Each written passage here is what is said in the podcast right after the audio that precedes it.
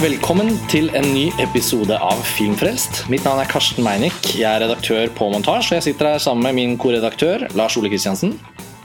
Hei sann. Hei. Eh, Dette er Hei. en eh, liten episode i det store havet av Filmfrelst-episoder, men ikke noe mindre viktig episode. Vi skal snakke om én film, og det er en Kan vi kalle den en klassiker? Jeg vet ikke. En slags glemt klassiker. Eh, Michael Ciminos 'Heaven's Gate' fra 1980. Det er kanskje en film som er en glemt klassiker, eller, eller om det er en sånn notorisk eh, film, filmhistorisk blødme, det er vel eh, Ja, ja. For en klassiker har den vel på en måte aldri helt vært, i hvert fall ikke i den forstand vi pleier å lade ordet klassiker med. Nei, jeg er enig. Jeg kjente det litt da jeg sa det også. Samtidig så tenker jeg sånn, det er ikke helt lett å kategorisere den, og da må man liksom starte litt med begynnelsen. Fordi Heaven's Gate er jo en film som liksom har ligget litt i et sånt lukket hvelv siden tidlig på 80-tallet, da den hadde sin beryktede lansering. Dette var da en film som ble slaktet av kritikerne. Eh, Den hadde premiere i New York i 1980. Michael Cimino hadde akkurat vunnet eh, liksom Oscar for beste film og beste regi for 'Hjortejegeren'. Og så kom Heaven's Gate, som var sånn superambisiøst western, eller sånn sent 1800-talls western-epos. Og så ble den så hardt slaktet at etter en uke på kino i New York så ble den trukket tilbake, klippet om og lansert et halvt år senere i liksom halvparten av sin opprinnelige lengde. Og da var jo allerede på en måte slaget tapt, og pressen hadde liksom snakket så stygt om filmen at det nesten liksom ble lagt et, lagt et slags lokk på Heaven's Gate. Og så har den bare ligget i sånn dvale, eller kuvøse, kan man kanskje si, i flere tiår. Og så har det sakte, men sikkert blitt vekket en sånn ny kritisk interesse for Heaven's Gate. Og Grunnen til at vi snakker om den er jo nå at Heaven's Gate er tilbake. Den har blitt gitt ut på Blu-ray på Criterion eh, Collection i USA i nyrestaurert utgave, og den er også nå tilgjengelig på en fersk sånn eh, det, altså på en sånn cinemateklansering som nå kommer til Norge. Så nå skal Heaven's Gate endelig liksom bringes tilbake i lyset. Så du har rett at dette ordet klassiker blir kanskje litt misvisende, fordi den har hatt en så veldig merkelig reise. Samtidig så er jo filmen eldre enn oss. Og den føles som en klassiker når man ser den, så det er litt sånn Ja, jeg vet ikke. Kanskje det er feil ord. Hva, har vi noe annet Den er jo liksom Ja, det, ja det, altså, eller, den er i hvert fall en, eh, en sånn slags film, som en filmhistorisk artefakt. da, så har den jo alltid vært noe Den er jo alltid noe man har, Det er en film jeg føler at jeg alltid har hørt veldig mye om. Ja, Ikke fra folk som har sett den, men liksom myten om hva greia var. Ja, fordi filmen er jo nesten et begrep. Altså, når filmskapere eh, etter Heaven's Gate har eh, hatt en kjempestor suksess og fått frie tøyler av studioet til å gjøre noe helt egenartet på et kjempehøyt budsjett, så har, man ofte, har det ofte blitt sagt at åh, vi får håpe det ikke blir den regissørens Heaven's Gate. Så det har liksom blitt innbegrepet på at en regissør får for frie tøyler av et studio til å kunne gjøre hva han vil. Eh, og hvor eh, mangelen på begrensninger føler, fører til at eh, at, at prosjektet liksom rett og slett bare da ikke kommer i havn. Ja, Det har i hvert fall veldig ofte ledet til et slags sånt kreativt vannstyre. Hvor, hvor studio har betalt millioner av kroner for at en kunstner skal forsøke å finne ut av et eller annet drømmeprosjekt. Og det har ofte ledet gal vei, men filmhistorisk sett så har det jo ledet til ofte noen veldig sånn interessante filmer. Som, som på en måte eksisterer litt sånn på siden av det, det vanlige. Uh, Men Det er vel ikke noe spesielt godt norsk uttrykk for det, men sånne flawed masterpieces, de er jo ofte eh, blitt til i samme liksom, form som eh, Heaven's Gate. Og jeg tror at Interstellar, hvis den filmen hadde fått, fått svakere mottakelse enn det den faktisk endte opp med å få, og hvis den hadde blitt liksom, en katastrofe på box office, Mm. da hadde nok den blitt Christopher Nolans Heaven's Gate. Men man Fordi- kan si at, det man kan Ja. si er at The Fountain til Darren Aronofsky er litt i samme kategori. Den er i samme kategori, men den ble jo så liten, den produksjonen, så det var jo sånn som at studioet forhindret at den ble Ja, Heaven's det Gate. var liksom, de, de, visste, de brukte Heaven's Gate-eksempelet til sin fordel. Ja, Kanskje. liksom- Men, men for å oppsummere, bare, fordi vi skal jo snakke om filmen, og det er litt sånn gøy, fordi vi har begge nå sett den akkurat nylig, liksom. I denne nyrestaurerte utgaven. Ingen av oss hadde sett den tidligere. Men bare for å trekke en liten siste parallell med dette katastrofe...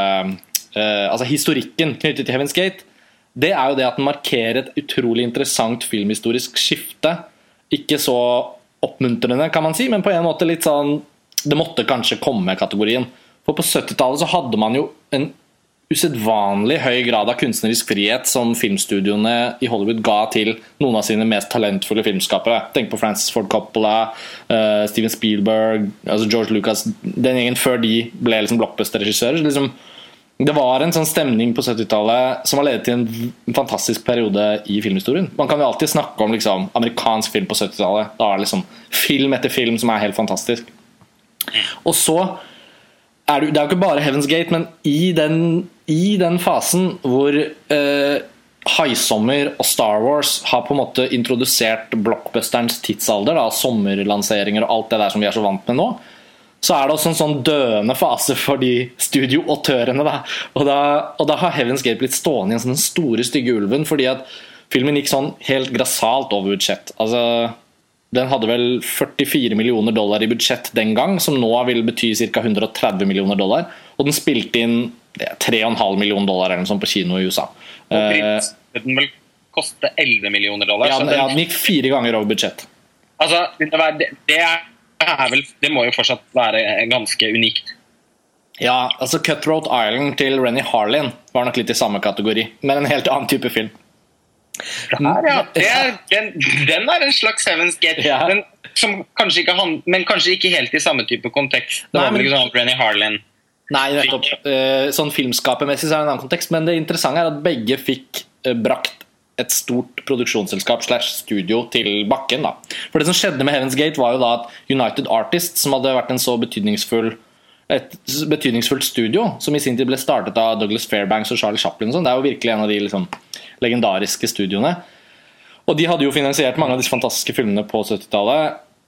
United Artists gikk så hardt i bakken etter å ha tapt så mye penger på Heaven's Gate at uh, de ble på en måte da, Det ble en omstrukturering, og så ble de kjøpt opp av MGM. Og, se, og siden da så ble United Artists aldri det samme igjen. Og da kan man si at uh, Hollywood-studioenes liksom ja, altså alle de sjef, pengesjefene som, som, skulle da finansiere studiofilmer eh, videre på 80-tallet, kunne hele tiden referere til Heaven's Gate.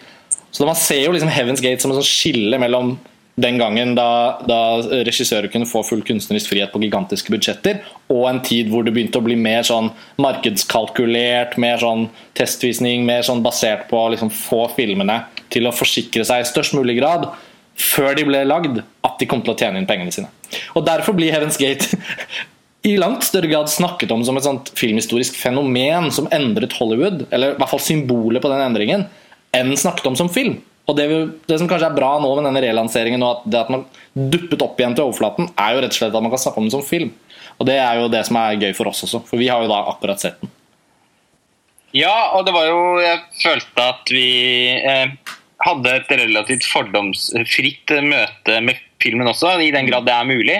Fordi de siste årene har jo da filmens eh, eh, Altså eh, Filmens renommé har jo blitt liksom Det, det har blitt en balanse mellom liksom den episke katastrofe katastrofen på en måte fra 80-tallet og dette slags glemte, ignorerte mesterverket som ingen helt har sett i sin form, og som mm. eh, vil fremstå et helt nytt lys med dagens øyne. Som man også har fått uh, hørt noe tisling og visling om blant uh, en del sånn feinschmecker-sinaster rundt mm. omkring på, uh, på internett. Ja. Så, og, så, og, så, selvfølgelig da Criterion og den De har jo altså Criterion som i så sterk grad på en måte kuraterer eh, hvilke filmer som skal være med i samlingen sin, så er jo bare det i seg selv liksom en, eh, et betydelig løft for filmen. At den har blitt da totalrestaurert i sin opprinnelige versjon. Da, eh, fin, vi fant vel ut at det var noe så, så mye som sånn syv versjoner av filmen eller noe. ja, Den versjonen så, som nå er blitt restaurert, er jo den versjonen som faktisk er i størst mulig grad lik den første uh, klippen som hadde premiere i New York, men som ble trukket tilbake og klippet om. Så det er den 219-minutters-versjonen uh, eh, det er snakk om. Og, og på Criterions uh, utgivelse, som er den vi to så på, på lerret, den, den, presiserer at i restaureringsfasen så er det blitt gjort ytterst små justeringer av overganger, og de har klippet ut en sånn intermission som lå midtveis. Og Det har vært sånn bitte små justeringer, men egentlig ikke noe omklipp. da så man kan regne det som omtrent den samme versjonen som Michael Semino i utgangspunktet ønsket å lage, men han fikk jo liksom aldri fullført og liksom komplettert det heller, fordi den ble trukket tilbake så raskt. Så det, så det handler jo liksom om å liksom gjenerobre eh, den originale visjonen til Cimino. Da. Han har vært veldig involvert i den restaureringen, og han er til stede på, på snakker om filmen på Criterions, på ekstramaterialet på utgivelsen. Så det, så det virker jo også som at han på en måte har endelig fått den filmen uh, foreviget på sin måte. da. Ja, og er jo, han er jo en litt sånn interessant figur. og nå ble jo Takket være Heaven's Gate så ble jeg liksom aldri Chimino Jeg vet ikke om man sier Simino eller Chimino. Nei, jeg vet ikke. Jeg går for Simino, jeg. Ja, ok. Da går jeg for jeg vet ikke. Du kan si Chimino, jeg sier Simino. Chimino. Nei, men altså, hvis Michael Chimino uh, han, Takket være Heaven's Gate så ble han jo heller på en måte aldri en stor filmskaper etterpå. Han har laget filmer, og den uh, The Year of the Dragon med Mickey Rorke uh, har jeg fått høre 87, er det? 85. 85. Ja, fem år etter Heaven's Gate, da. Så det tok fem år å få bli tilgitt. ja. Og den er liksom Men den har jeg Den er liksom en, noen kultentusiaster som har, uh, som har løftet, løftet fram. Jeg tror til og med også Quentin Tarantino har, har sagt et par uh, varme ord om den filmen. Og, så det, det er sikkert et oppdagelses Altså, det er noe potensial for oppdagelse tror jeg, også i Chiminos senere karriere, men hovedsakelig er han jo kjent for mesterverket 'Hjortejegeren', som jo, da den kom uh, Den kom også så tidlig blant disse Vietnam-filmene. Mm. Eh, at den ble virkelig en sånn Den, den var nok et, en skikkelig smekk i ansiktet på, på USA, som var ganske gjennomrystet etter krigen generelt. Ja, ja, ja. Så, de, de så, den slikket ikke akkurat de sårene eh, som, som, som, USA satt igjen med. Den flerret de heller opp. Eh, ja, og den, og, den ble etterfulgt av fortsatt... Apocalypse Now, som kom året etter. Så det var liksom en double punch der som var ganske liksom ledet an av Simino, da. Ja, nettopp. Og, og, men Apocalypse nå er jo så ekstremt stilisert og basert på Joseph Conrad sin uh, 'Mørkets hjerte'. Altså, den er helt, selvfølgelig en helt svimlende fantastisk film, men eh, som Den er jo, kunne ikke vært mer forskjellig fra 'Hjortejegeren', som er veldig nede. Veldig karakterdrevet og helt sånn nesten, Det er faktisk en av de filmene som jeg syns er aller tøffest å se. Det er helt grusomt grusom å se, men det er faktisk interessant at noe av det samfunnsengasjementet eller den der ønsket om å portrettere den realistiske eller sannferdige grusomheten akkurat som den er, den er jo faktisk også til stede i Heaven's Gate da, på sin måte. Den er det. Eh, man kan absolutt se at det er samme filmskaper som har laget den. Ikke bare pga. Vilmo Sigmunds ganske sånn egenartede fotografiske stil. Som også gjør at filmen, i tillegg til settingen og noe av tematikken, kan minne om eh, McCabe og Mrs. Miller ja. til Robert Altman. Det skal vi sikkert snakke mer om. Men eh, den har liksom det, det, var ikke noe tvil om at det var en autør som var på vei og som, som, som, var i ferd med å bli skapt her. Og det er akkurat som du sier, den filmens Man kan jo Hvis jeg skal begynne å fortelle hva filmen handler om så, Heaven's, Heaven's Gate. Ja. Heaven's Gate. Gjør det. Så, så, Nei, jeg tenkte at vi går inn på Hjortejegeren først nå, for å få en Altså, nei, Heaven's Gate uh, den den har jo et ganske enkelt premiss, egentlig. Uh, det er uh, et, eh, et område i Wyoming i USA, mm. om jeg husker riktig? Ja, det er Wyoming. Ja. Også kjent fra Brokeback Mountain. Blant annet. Blant annet. Jeg føler bare at Wyoming er så udødeliggjort i den filmen med de fjellene med, med sauer på. Ja. Um, altså Wyoming, og Montana og Idaho er disse tre statene i USA. og Jeg måtte sjekke det opp etter at vi hadde sett filmen, for jeg skjønte at Simino hadde filmet noe der og noe der. Og det. Men de tre, det landskapet der i nord Nordvest-Amerika, det er liksom spesifikt veldig liksom det han var ute etter. da. Ja, ok, ja. Fordi han Chris Christofferson, som spiller hovedkarakteren, han drar da, etter å ha studert på det Harvard, ja. så drar han til Wyoming for å bli en sånn federal marshal der. Og så opplever han konflikt, en konflikt rundt at det er en gruppe, med eh, en gruppe blant styresmaktene der som ønsker å utradere en del av de østeuropeiske innvandrerne. Som har kommet til. Eller kuer, eller det er liksom et eller annet der. Ja. Mm. Eh, og denne konflikten den er litt sånn mytologisk, nesten sånn eventyraktig fremstilt i filmen. Men det er jo selvfølgelig en, en, en film om på en måte fremmedfrykt og, og fremmedhat, som veldig enkelt kan oversettes til alle Altså til moderne tid. Jeg føler at den blir veldig sånn myteaktig. da. Tidløs, egentlig, selv om den veldig spesifikt portretterer en a slice of uh, American history. Ja, nei, absolutt. Og, det, og det, det settingen er jo liksom basert på en sann historie, sånn som jeg forstår det. At det var, det var et sånt uh, grusomt uh, En slags nedslakting, må man jo kunne kalle det. Hvor, hvor disse kvegeierne hadde hentet inn en gruppe øh, morderiske cowboyer, eller hva man skal kalle det, som liksom ble skippet inn for å, for å, for å hente, hente frem 125 mennesker på en liste eh, som var mistenkt for å plukke kveg eh, i de omgivelsene. Og da er det jo det I filmen, i Heaven's Gate, så, så fremstår det jo sånn som at Christoffersen mener at dette omtrent er det samme som å henrette en hel by. da Fordi det er jo ikke så mange som bor der, og alle de familiene og alt det. Så det det der eh, veldig dramatiske premisset der om at hans liksom, rettferdighetssans Samtidig som han også kommer fra utenfra. Han har ikke det Han er liksom en velutdannet fyr som skal prøve å på en måte gjøre noe riktig i en del av USA hvor, hvor immigrantene prøver å få seg et bedre liv. Liksom, det USA vi kjenner i dag, er jo på en måte ikke helt skapt på denne tiden. Og Det er jo det som er fantastisk med liksom, westernsjangeren. Hvis man hvis man ser de filmene som liksom, oppriktig talt har noe på hjertet, da, som ikke bare liksom, prøver å melke westernsjangeren når det er en ensom cowboy som kommer til en by og liksom, sheriffer og liksom sånn. Det er ikke den typen western. Dette er mer den Once upon a time in America. Ja, Once Upon a Time in America på en måte. Den kommer jo senere, men Once Upon a Time in the West også. Som har dette med tog Ja, sagt ut. Sorry, jeg mener selvfølgelig ja, Jeg Du mente mente the West. Ja, men begge filmene er jo relevante. Ikke sant? De har de der sepiafargede miljøene, utrolig detaljrike. Begge de er jo i en litt annen klasse enn Heaven's Gate, må jeg jo da si. Men likevel, jeg syns det, det er en veldig veldig interessant eh, side ved Heaven's Gate, hvor den liksom inntar en slags sånn historisk gjenfortellerposisjon.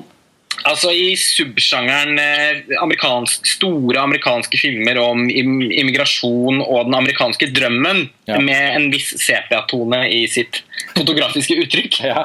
så, så, så fremstår jo da Heaven's Gate som en, eh, som en ganske sentral eh, film. Ja, så Og så er den ikke glorifiserende på den myten. Da. Det er en ganske melankolsk og, og sørgmodig film, fordi den, den egentlig har en slags sånn Den har en sånn virkelighetserkjennelse av at, av at det var veldig, veldig, veldig tøffe tider. Og selv om alle de menneskene som hadde Og i Heaven's Gate så er det jo hovedsakelig østeuropeiske innvandrere til Amerika. Altså, er- Eh, men fra forskjellige land i Øst-Europa og Russland, sånn, så de snakker jo ikke engang samme språk, men de, de lever i dette liksom kaoset av å prøve å orientere seg i denne byen i Wyoming og prøve å liksom lage, bygge seg et liv. Men de har jo ikke engang på en måte fått etablert noe særlig annet enn noen pinnebygninger og en kirke og en gjørmete hovedgate. Liksom, de har ikke helt fått etablert seg. på en måte Og jeg syns filmen er veldig, veldig den treffer så godt i å bare si at dette her er ikke lett. liksom. Den tar inn en sånn pessimistisk posisjon som egentlig varer hele filmen gjennom. Som gjør også da at når man ser den nå, fritatt fra at filmen gikk over budsjett og alt det der, men bare ser på filmen nå, så er det jo egentlig en sånn sjeldent ærlig og, og en demytologiserende eh, westernfilm som sier at det var et helvete. Og og landet, Ja, så... landet ble bygget på veldig mange brukne rygger og døde mennesker. Ah, Ja, absolutt. Eh, de tok jo indianerne først, og så Ja. var det liksom Men, men jeg føler jo at filmen fremstår nokså moderne i, i måten den skildrer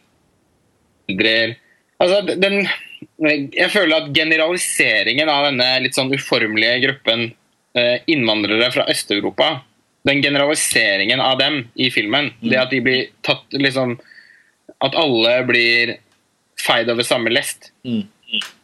Eh, der føler jeg jo at filmen har et politisk budskap som er, som er veldig relevant. Da. Så man trenger ikke å tenke lenger enn på romfolket, liksom. Nei, det finnes jo så mange treffende sammenligninger. For de blir jo avslått som tjuvpakk i filmen. Og Ja. noen form slags sigøynere. Ja. Det blir jo sagt. Eh, og selv om det er veldig mange av de som, som du sier, med, med brukne rygger Altså at mange som forsøker å Som jobber hardt for å gjøre løftet med å bygge et samfunn, da.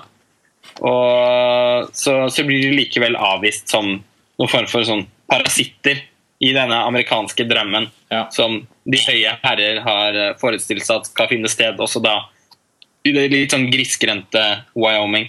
Så, så filmen har, den er fylt med ganske mye krutt. Ja, den er- og, og smeller ganske godt eh, til slutt også, men filmen er jo mye på Selv om premisset er enkelt, og eh, så uh, så tar den, den Den er fylt med ganske mye forskjellig underveis. Ja, fordi En ting er jo det vi har snakket om nå, liksom temaet, selve plottet, og, og hvor han både liksom forsøker å være veldig realistisk knyttet til en, den sanne historien som liksom er selve ja, den nedslaktningen. Men samtidig så er det jo er det jo filmens ja, altså, Som du var inne på nå, da, at den, den tar, inntar ganske mange forskjellige roller underveis som hva slags type film skal være. Og så, og så er det jo umulig å ikke bruke ganske mye tid på å snakke om hvordan den ser ut. For det er jo Særlig nå i nyrestaurert utgave òg, hvor man virkelig får se bildene sånn som de ble skutt, så er det jo nesten det første man tenker på etter at filmen er ferdig, hvor utrolig flott film dette er. Altså, den er jo så vakker at uh, man, man faktisk uh, Det er ikke Altså, det, det, det er en film som umiddelbart får en til å begynne å tenke på de aller vakreste, som er lag, lag, vakreste filmene som er eh, laget i hele filmhistorien. Altså, da, vi snakker, altså som 'Days of Heaven' eller uh, 'Gudfaren del 2'. Ja. Uh, eh, og, og eh, 'Il Conformista'. Den er liksom helt overveldende virtuos som eh, rent sånn filmfotografisk Ikke bare fotografisk, men også liksom bruken av locations. eh, og produksjonsdesign i filmen. og sånn. Det var jo en, grunn, en av grunnene til at filmen kostet så mye som de gjorde. var at De bygde jo alt. og de Og det er helt utrolig. Når man har sett filmen og hører at de har bygd alt, da skjønner man hva det vil si. De har jo basically bygd en hel by. Ja, så man, man ser jo hvor pengene Og ikke et studio, men de har liksom bygd det ute i fuckings en nasjonalpark eller et eller annet sånt langt uh, Ja, uti der. Ja, Det ser helt utrolig ut. Det er sånn som Disneyland hadde sett ut hvis de hadde lyktes på en måte Ja. å lage en westernlandsby eh, utenfor Paris. Men ja.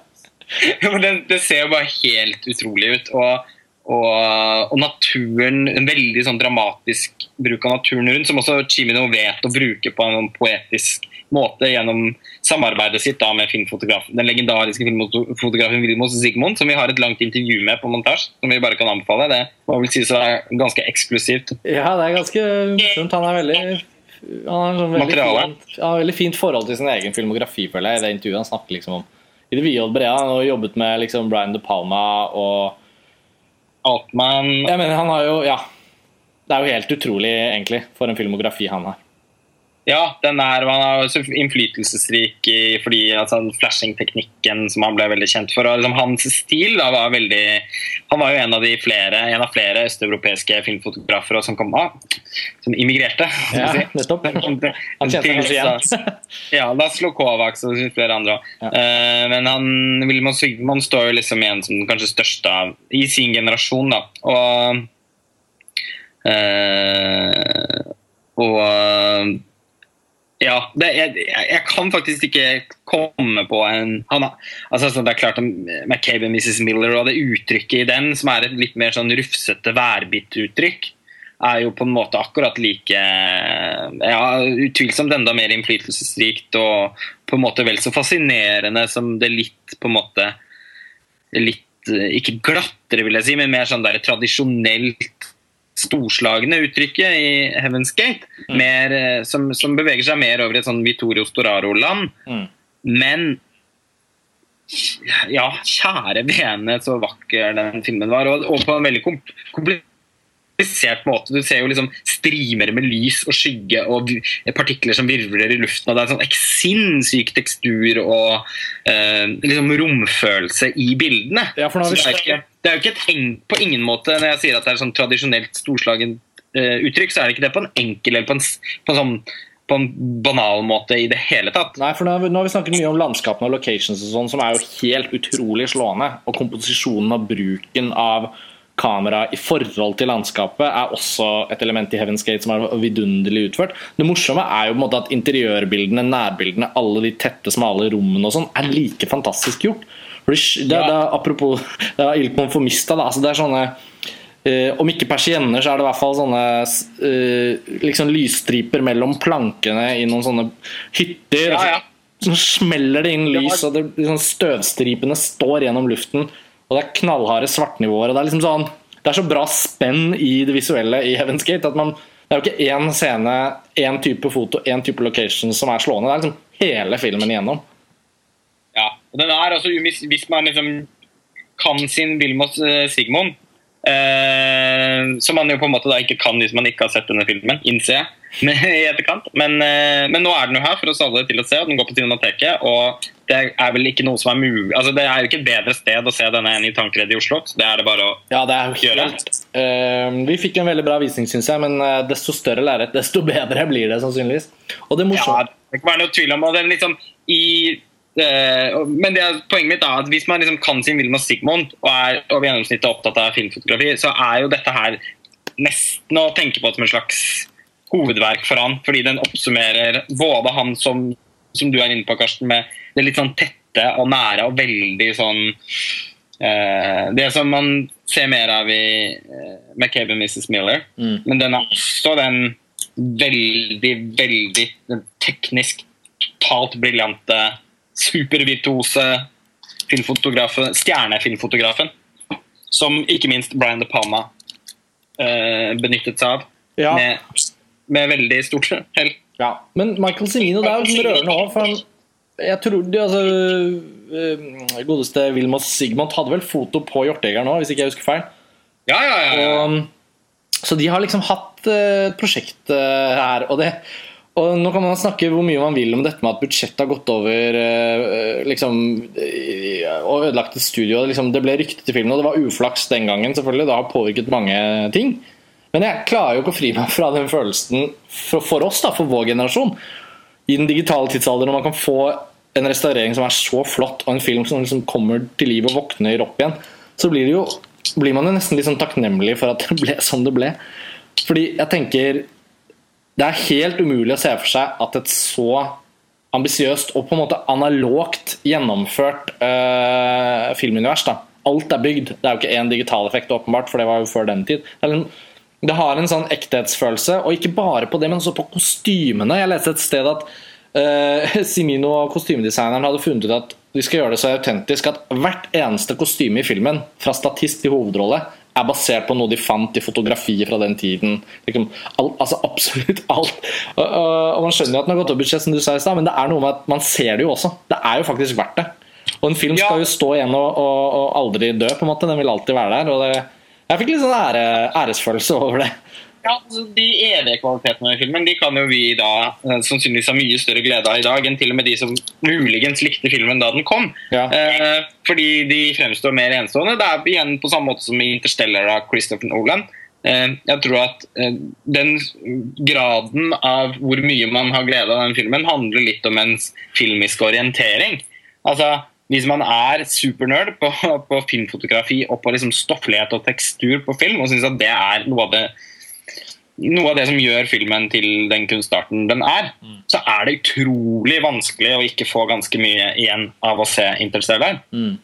Eh, og da er, da er det vanskelig å ikke liksom la den kaste litt en skygge over et par andre eh, tilsynelatende lignende eller, eller blockbuster med, i hvert fall med et visst motiv, slektskap i forhold til motiv som har kommet. Altså Gravity, da, eksempel. CGI-festen Gravity. Ja, nei, men det er, jeg tror det blir en av de Sånn er det bare. at Skate vokser av å liksom bli oppdaget akkurat nå, føler jeg. Ja, jeg er helt enig, og jeg tror, jeg tror den, den vil jo egentlig kunne være med å fòre litt empirien i den store diskusjonen om, om hva slags filmatisk uttrykk man skal liksom ha fremover også.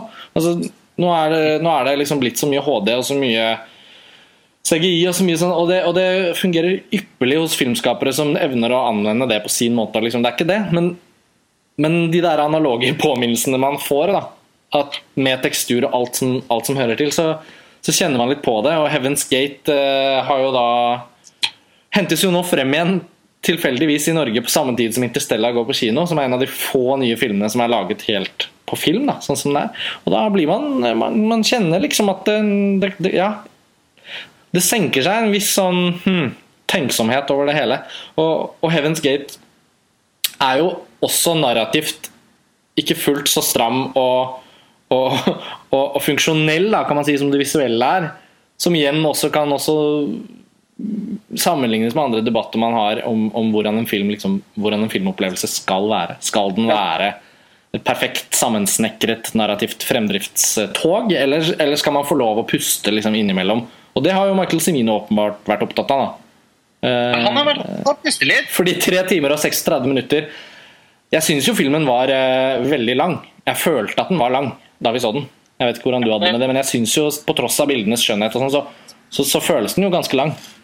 Ja, altså den var, det var noe der som jeg syns fremsto eh, eh, Ja, jeg syns jo heller ikke det er vanskelig å kunne komme, eh, til å kunne liksom ha noen kritiske perspektiver på denne uh, voldsomt flotte filmen. Men det, det, er jo noe som er litt udisiplinert inni der, og som man faktisk føler at hadde hatt veldig godt av Jeg føler jo at filmen hadde hatt godt av en litt strammere klipp.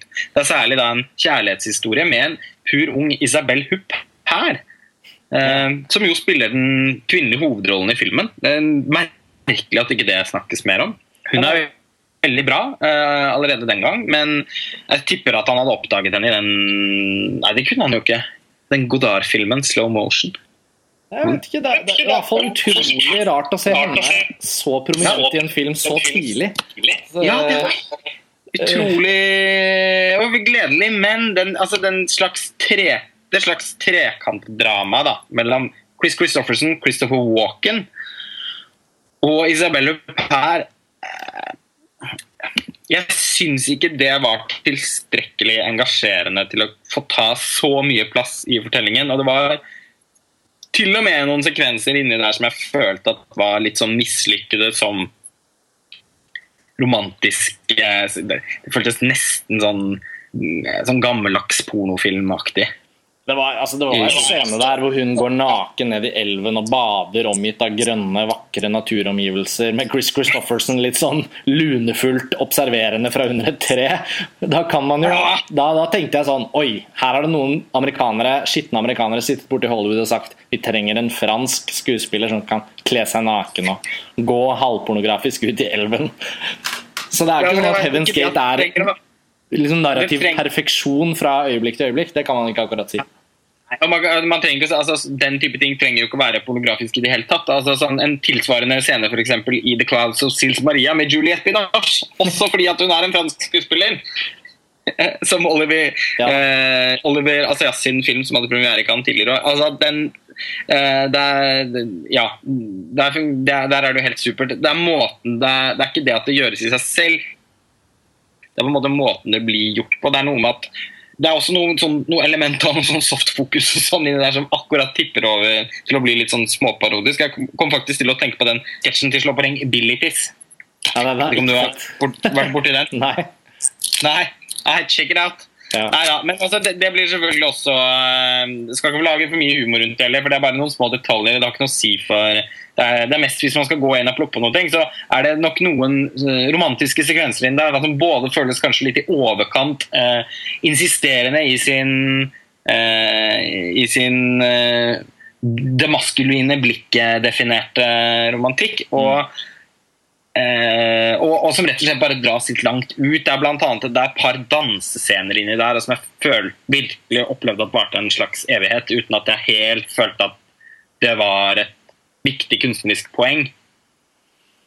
Nei, men der syns jeg likevel at Der var filmen litt i den fasen hvor den på en måte skulle bare la oss uh, befinne oss i omgivelsene og få liksom den Det er musikken de hørte på. Han har valgt uh, musikk som også ble komponert omtrent i den perioden. Og liksom, det har ikke stått på, på troverdigheten der heller samtidig, men, men det er jo dette med, det jo dette med, med rett og slett Versjoner av Strauss og sånn. Veldig flott. Blå Danube, den, eh, den var visst komponert eh, Han snakket om det på ekstramaterialet, at det var liksom komponert rimelig samtidig med at de kommer ut av universitetet der i åpningsscenen. Og så har den da fått 20 år på å godgjøre seg før vi kommer tilbake til Christofferson og han har reist ut i Vesten og jobber der som marshal. Så da har liksom den blitt popularisert og sakte, men sikkert blitt sånn at en eh, folkemusiker med fiolinen sin kan plukke den opp. Og, liksom. Så det var en del av tanken, visstnok. Men, men når man ser filmen og ikke vet det, så har det ikke noen utelukkende positiv effekt. Fordi han forelsker seg jo ekstremt i disse settingene sine.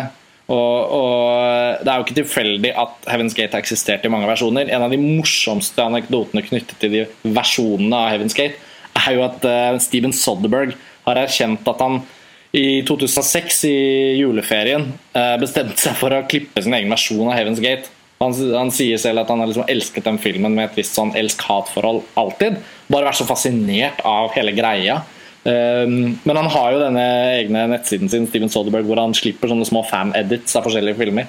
Og han har, da, han har laget en såkalt Butchers Cut av Heaven's Gate, som er 1 time og 40 minutter lang. Da, hvor han klippet vekk ca. to timer. Og omstrukturert narrativen. Um, og den ligger ute, så kan man kikke på hvis man har lyst. og vi bare scrollet den litt. Uh, ja, den så jo Jeg er ikke sikker den var så verst. Men samtidig så må jo denne filmen filmens, altså sånn, Selv om jeg faktisk, faktisk syns at noen av disse dansesekvensene dras ut over i det parodiske, så syns jeg jo at filmen uh, All den tid Michael Cimino tar seg liksom tid til å puste inn og ut veldig langsomt gjennom hele filmen, så syns jeg også det kler filmen. Altså, den formatet filmen liksom befinner seg, tillater jo eh, veldig mye eksess.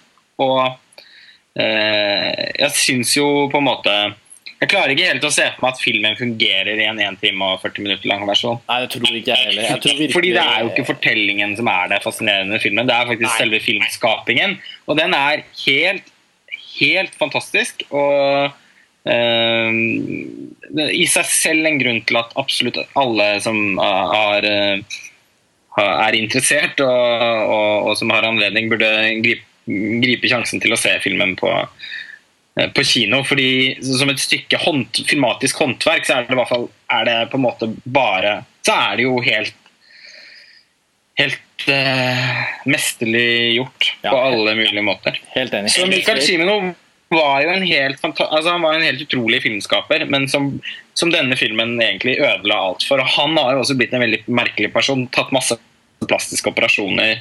Uh, han var jo egentlig en liksom sånn god, rund Sofia, Sofia Coppola, sier jeg. Uh, Frans.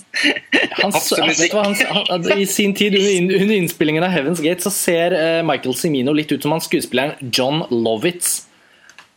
Og, ja, og, du altså, vet hvem han er per ansikt, men han er kanskje ikke en sånn man kjenner så veldig godt på navn. Men John Lovitz er en sånn humoristisk, litt sånn rund skuespiller som dukket opp i masse småroller på 90-tallet. Um, komiker. Uh, og Michael Cimino ligner nesten Han er sånn snytt ut av Snytt ut av han, og, og, veldig lav. Jeg tror Michael Semino må være sånn 1,60 eller noe sånt. Uh, men nå har han, ja. hvis man googler Michael Semino nå, for å ta et bildesøk, så er det jo helt grotesk. Ja, altså Min referanse var egentlig mindre obskur enn din. Det ble superobskurt med Sofia Coppola, men det var jo Francis Ford Coppola jeg mente. Hvis du hadde barbert vekk skjegget til Francis Ford Coppola, så hadde det liksom også vært litt sånn litt i samme kategori, da. Ja. Uh, men når man ser på den i dag, så ja, jeg tror ikke engang René Selvegger kan konkurrere med Nei. Før og etter. I før- og etterkonkurransen der så tror jeg faktisk eh, Cimino vinner. Men hvis man skulle oppsummert litt i det store og det hele, så har jo på en måte Cimino ofret karrieren sin eh, på filmhistoriens alter, eh, på sett og vis. Og Heaven's Gate er såpass enestående at den nesten Altså sånn Hjortejegeren er helt åpenbart den store liksom, mesterverket. Det er Michael, Michael Siminos Det er hans store film, på en måte. Det er det ingen tvil om. Men som en sånn som en sånn forunderlighet, som en sånn filmhistorisk egenart som er helt på siden, og som skiller seg veldig ut, så tenker jeg kanskje at Heaven's Gate er nesten litt morsommere å tenke på. um, Og da mener jeg selvfølgelig ikke Nei, men Det er også fordi hjortejegeren aldri er morsom å tenke på. Fordi, Nei, fordi den er så grusom. det går ikke. Og det er, den, det er en film som jeg, liksom, er, jeg har da sett den ganske mange ganger, men det, er, det begynner å bli ganske, en mange år siden sist nå, og det er simpelthen fordi at øh, den øh, Ja. Ja. Det var som ungdom at den liksom ble matet ned i halsen. Den må du se! Og gjorde ekstremt inntrykk. og da var det også sånn, Men da var det liksom en av litt færre filmer som man hadde et forhold til og så. Så da ble det liksom sånn at man så den en del ganger. Men Når jeg tenker på den i dag, så er jo det en av de siste filmene jeg ønsker å sette meg ned og se. For noe annet enn selvfølgelig å bli rystet. Men det er jo Den er selvfølgelig, altså det, det er ikke noe poeng i å liksom anbefale den engang, fordi det er så åpenbart. Men skulle det være noen Vi vet jo at vi har mange unge lyttere. Hvis det skulle det være noen yngre lyttere som ikke har funnet veien fram til Hjortejegeren, så må det til. Men også men Gate. Jeg vil oppsummere på den måten. også Absolutt. Det er de to filmene til Michael Cimino som eh, bør stå øverst på eh, menyen hvis man skal sette seg inn i Cimino. For det er ikke så mye Ja, mer det er vel ganske åpenbart. Nei, så Men absolutt. Det er i hvert fall varme anbefalinger fra oss. Jeg tror den filmen i nyere tid man kan sammenligne Heaven's Gate litt med, er jo faktisk Alexander av Oliver Stone. Som riktignok Warner Bros. var vel kanskje for stort til at det kunne bli veltet, men det var faen i meg ikke langt unna. Eh, Den var jo også en film som kostet utrolig mye penger, eh, og som var et resultat av at Oliver Stone gjennom sine kommersielle flere kommersielle triumfer på 90-tallet i hvert fall, faktisk fikk frie tøyler til å lage det åndssvake, merkelige verket som han lagde. Mm. Som alle som kritikerne hatet, og som gikk forferdelig dårlig på kino. Kostet sinnssykt mye penger. Filmen har jo da riktignok på veldig morsomt vis Denne filmen må det jo skrives en bok om i dag. Den har jo da klart å tjene inn pengene sine på, eh, på videosalg etterpå i da hele fire Nå eksisterer filmen i hele fire versjoner. Jeg har sett alle, inkludert den siste The Ultimate Cut. Og jeg har, nevnt det tror jeg nevnte den til og med under Interstellar-podkasten. nå klarer du egentlig trekke Oliver Stones Alexander i alle mulige filmsamtaler. Ja, Ja. så nå blir det Men nå føler jeg at nå må, nå må vi nesten holde den lille Det er jo ikke en lovnad, for det er bare mitt forslag med litt sånn vag respons rundt, rundt bordet. Men jeg har lyst til at vi en dag skal kunne ha en podkast om den filmen. Og alle dens versjoner. Altså Nå som Heaven's Gate har fått sin egen filmfrelseepisode, som føles Ja. veldig hyggelig fordi det har gitt oss muligheten til å besøke den filmen når vi ingen av oss hadde sett den. og det er liksom sånn, Jeg føler liksom at vi har blitt litt klokere også, og forhåpentligvis klart å dele det. Men en episode om Alexander er også hakket mer ambisiøst, for da er det da må man jo også se alle de fire versjonene. Det skal sies om Heaven's Gate at, at den fins jo ikke i i hvert fall ikke da i restaurert utgave, så er det jo bare denne versjonen. Og den kommer jo bare til å bli husket i denne versjonen. Um, men men uh, Alexander og Oliver Stone er mer som en sånn Det er som et puslespill med utrolig mange løsningsmuligheter. Og jeg har jo argumentert Ja. litt for når du har nevnt det, så har jeg tenkt sånn Kanskje Alexander og Oliver Stone burde bare slippes. Altså hele klippen. Alle, alt materialet burde gjøres tilgjengelig, og så kunne alle få lage forskjellige versjoner. Kan det bli som en sånn levende film som bare aldri slutter å bli lagd forskjellige utgaver av? da Kunne vært morsomt. ja, men det tror jeg også vi har snakket om før. Hadde man eh, Jo, det har vi. Altså, hadde man laget en lærebok som bare handlet om Alexander, og liksom om, med klipp da, Ja. som hovedfokus, Og den og som inkluderte alle versjonene av filmen, og sånn gjennomgående analyser av alle versjoner altså, Det hadde jo vært et helt fantastisk læreverktøy. Det kan, jeg kan ikke forstå noe annet. Ja, jeg tror vi må svare på den ideen. Nei, vi må Altså, om, eh, om vi ikke får med oss eh, Om vi ikke får med oss eh, fire, fem, seks stykker rundt mikrofonen, så er i hvert fall du og jeg, da. Ja, den. Kan, det går jo an å bare ha en samtale om Ultimate Cut også. Det, det holder jo på en måte. Men det er så mye Det er, det er fascinerende hvordan den filmen eh, er beslektet med, med Heaven's Gate på ganske eh, mange måter. Ja, Det syns jeg var en bra oppsummering. Um, Heaven's Gate er i hvert fall eh, en slags oppdagelse, må jeg bare si. Jeg, selv om det er visse ting å kritisere ved den, og den har den historikken og sånn, så må jeg bare si den syns jeg virkelig folk skal få sett. altså. Det, som sagt, Den vises på Cinemateket, og det betyr jo at den gjøres tilgjengelig i en DCP som sikkert kommer til å dukke opp igjen i andre sammenhenger, hvis man skal programmere ja, retrospektiver over en type westernfilm eller hva som helst. Så nå, nå føler jeg liksom Heaven's Gate er tilbake i samtalen og kan, eh, kan vises om og om igjen. og Liksom. Den har rett og slett kommet tilbake til liv. Uh, og selvfølgelig også på, på DVD og Blu-ray fra Criterion Collection. Så. Nå kan den brukes, rett og slett. ja, den er blitt evig. Og det er hyggelig for Michael Semino. Det var i hvert fall en eh, flott avslutning. Da skal vi sette punktum. Ja. Fint. Heaven's Gate, altså. Uh, takk for at dere hører på. Vi er alltid veldig takknemlige for uh, tilbakemeldinger og innspill på ting vi snakker om i disse episodene. Er det noen som har uh, ytterligere refleksjoner over Heaven's Gate som ikke vi har kommet inn på, kjør på i kommentarfeltet. Andre forslag til snåle filmhistoriske artefakter som burde hentes opp og snakkes om på Filmfrelst, kom gjerne med forslag. Send gjerne mail. Vi gleder oss til å høre fra dere. Eh, Gjør det, og Til dere som lurer på hvor det blir av neste episode av 90-tallspodkasten, så er den er ferdig innspilt. Ja, og skal eh, eh, ja, og Det har vi sagt så mange ganger nå, så det er litt sånn ulv-ulv, men den er faktisk rett rundt hjørnet. Julegave. Vi høres. Ja, den kom på julaften. Ha det bra. Ha det. Ha det.